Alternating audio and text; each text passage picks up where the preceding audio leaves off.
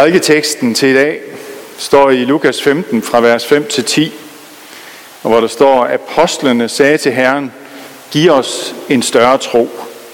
Herren svarede, havde I tro som et sennepsfrø, kunne I sige til dette morbærtræ, ryk dig op med rode og plant dig i havet, og det ville adlyde jer. Hvis en af jer har en tjener som pløjer, eller en hyrde, vil han så sige til ham, når han kommer hjem fra marken, kom straks og sæt dig til bords. Vil han ikke tværtimod sige, lav mad til mig, og bind kjortlen op om dig og vart mig op, mens jeg spiser og drikker. Bagefter kan du selv spise og drikke. Må han takker tjeneren, fordi han gjorde det, han har fået besked på. Således også I. Når I har gjort alt det, I har fået besked på, så skal I sige, vi er unyttige tjenere. Vi har kun gjort, hvad vi skulle gøre. Amen. Disciplene bad, giv os en større tro. Det holder jo ikke. Det, det kan man ikke. Vi kan godt snakke om tro, men, men snakke om en større eller mindre, eller, eller kan vi det? Det gør vi jo på nogle måder. Tro på det, siger de, håndboldspillerne, når de er bagud med fire, og der er tre minutter tilbage. Tro på det. Ja, så skal det nok gå. Men er det troen, der gør det? Er det motivationen? Eller når vi er ude at flyve, det kan godt være, at det er så længe siden, I ikke kan huske det længere, men øh, når vi er ude at flyve, så har vi jo en eller anden tro på, at piloten ved, han er med, hvad han er med at gøre. At han har styr på det. Jeg tror, mange af os har siddet og tænkt, kan vide, om han har styr på det. Kan vide, om det går. Sidste gang vi var i London her i november måned, der fik vi sådan en crash bang landing, hvor det hele det hoppede, og, og vi hoppede hen ad landingsbanen og tænkte, det her det går da galt. Men øh, vi er nødt til at tro på, at piloten har styr på det. Vi kan jo ikke andet. Vi sidder der fuldstændig hjælpeløse. Men hvad er tro? En sæk luft. Tro er jo ikke noget i sig selv. Og alligevel så prøver Bibelen også at fortælle os noget om, hvad tro er. Anne-Marie læste, tro er fast tillid til det, der håbes på, og bevisning om det, der ikke ses. Tro har altså noget at gøre med noget, vi har tillid til. Tro på det. Vi tror på det. Vi skal, tro, vi skal tro på det. Det er noget med håb på det, vi håber. Noget, vi håber skal ske, skal blive sådan det evige liv, hvad ved vi om det? Vi kan håbe på det, men vi ved jo ikke, hvordan det bliver. Overbevisning.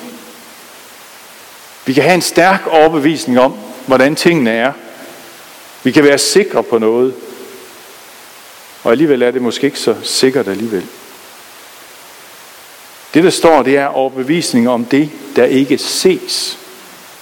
Og der tror jeg, vi har nøglen det usynlige. Gud findes i det usynlige. Når vi tror, så handler det altså om det usynlige. Så handler det om Gud. Så handler det om, hvem Gud er. Og hvordan vi får begreb om Gud. Og hvad det er, Gud han kan gøre i vores liv. Det er ikke troen, der betyder noget. Det er det, vi tror på, der betyder noget. Nu sang vi lige sådan en øh, god, gammel sang her, øh, var det en tro med munden at sige kun jeg tror, når hjertet ej i grunden er renset ved Guds ord. Der var der fromme nok og troende i tiden. Der var den ej så liden den rette troens flok. Det handler altså ikke bare om at kunne sige, at jeg tror. Fordi så kunne, vi være, så kunne der være rigtig mange, der troede. Hvad handler det så om? Ja, der står, vel an i svage hjerter, så fat nu kun mod og lad det koste smerter, jeg ærer liv og blod. Og holder æder tæt til Jesu blod og vunder. Det er jo et fantastisk sprog. Øhm, det, der står her, det er, troen handler om at holde sig tæt til Jesu død. Jesu lidelse. Jesu opstandelse. Jesu gerning for os. Så ligger Satan under med al sin magt og ret. Og jeg tænker, det er derfor, når vi skal snakke om tro, og om vores store eller lille tro, så bliver trosbekendelsen så vigtig for os. Der er en, der har kaldt den troens bøn, altså at når vi siger trosbekendelsen, så, så beder vi faktisk Gud om at, at give os tro på, at det er sådan, det er. At vi tror på Gud Fader, den almægtige, at vi tror på Jesus Kristus, at vi tror på Helligånden. Og så er det jo heldigvis sådan, at vi har nogle trosvidner. Og når Hebræerbrevets forfatteren han skriver, hvad tro er, så skynder han sig også bagefter at skrive, jamen prøv nu at kigge på Abel. Der var den første, der troede Gud, og Gud han tog imod hans offer. Enoch, som Gud han havde sagt til, ved du hvad, du skal ikke dø, og Gud han tog ham bort, så han ikke døde. Abraham, der fik lov til at, og få et løfte om, at han skulle blive lige så mangfoldig som stjernerne. Og de blev gravide og fik en søn i deres alderdom, og blev et, han blev stamfar til et stort folk. Luther, som kæmpede med Gud, men som nåede til, til vidshed om, at, at det er Jesus alene, der frelser. Bonhoeffer, som øh, var i koncentrationslejr under 2. verdenskrig, og hvor troen var rigtig svær. Men han fokuserede på, ikke på sin tro, men på, at Jesus var der sammen med ham. Og Kai Munk, som vi hørte om sidst, vi havde gudstjeneste, som trodsede besættelsesmagten under 2. verdenskrig, og måtte dø for det, fordi der var noget, han troede på, noget, der var større Det, der er vigtigt, det er, at vi ikke beundrer de her mennesker for deres tro, fordi så bliver vi sådan mismodige. Så tænker vi, jamen det kan jeg jo slet ikke tro på den samme måde, som de kunne, og så videre. Det er ikke det, det handler om. Det handler om, hvad var deres fokus? Hvad var det, de troede på? Det er langt mere det, der betyder noget, end troen. Det er vores, hvor er det, vi retter vores fokus? Vi skal ikke være så optaget af troens virkninger. Jesus siger jo i teksten her, hvis I havde tro som et sennepsfrø, som et lille birkes på et rundstykke, større er et sennepsfrø ikke. Hvis I havde bare sådan en lille tro, så kunne I sige til et morbærtræ, og et morbærtræ, det bruger han så, fordi det er sådan et, der har dybe rødder, der går langt ned i jorden, og virkelig står fast. Så kunne I sige til det, ryk dig op og kast dig i havet. Men det er jo ikke troens virkninger, der er afgørende. Det er troens genstand. Jesus siger til disciplene, tro er at gøre det, som vi er skyldige at gøre. Tjeneren der, hvad var det, han skulle? Han skulle gøre sin gerning. Han skulle gøre det, som hans herre havde bedt ham om. Han skulle ikke stå og føle, om han nu havde tro nok. Han skulle ikke stå med en tanke om, det nu var rigtigt at gøre det her, eller en indre overbevisning. Skåren helt ud, så vil jeg sige, at tro er en praktisk handling. Og så tænker jeg, så bliver det håndgribeligt for os alle sammen. Det, at du går i kirke, det er et udtryk for tro.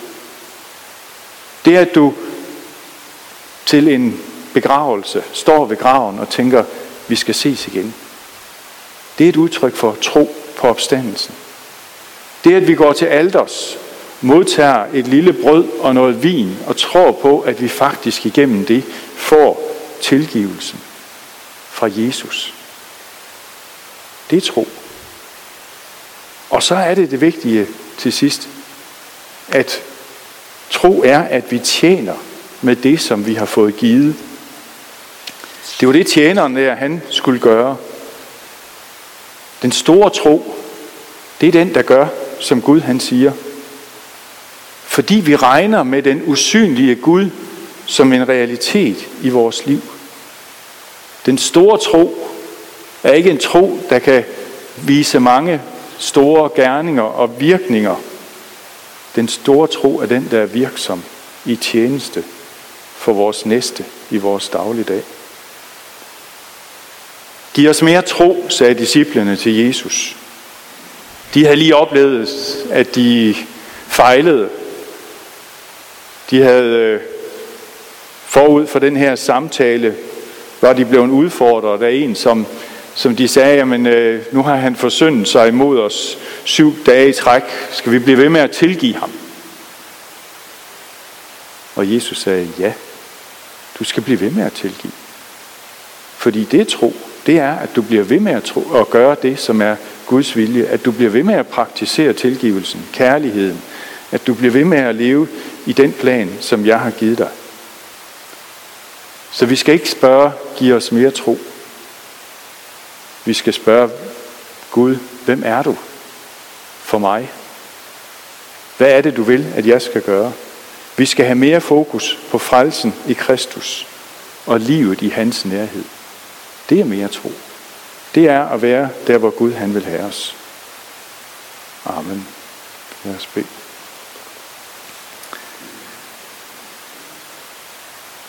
Og Jesus, vi beder om, at vi må få mere fokus på dig.